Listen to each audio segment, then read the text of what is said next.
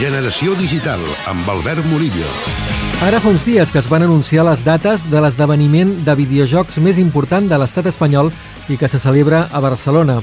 És el Game Lab, que es farà els propers dies 25, 26 i 27 de juny a la Filmoteca de Catalunya. Aquesta trobada és eminentment professional i apropa el món de l'ensenyament, per exemple, amb el de les petites empreses que avui dia intenten guanyar-se la vida en aquesta indústria tan competitiva. GameLab ho exemplifica amb desenes d'exemples que venen de fora o casos de casa nostra que amb molt poc soroll mediàtic aconsegueixen un model de negoci que els permet subsistir en aquesta jungla dels videojocs.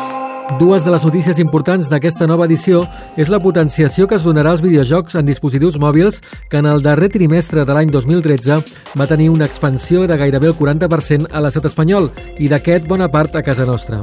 L'altre anunci important del Game Lab és la confirmació de la visita d'en Tim Schafer, un dels creadors de videojocs més estimats i potents del panorama mundial.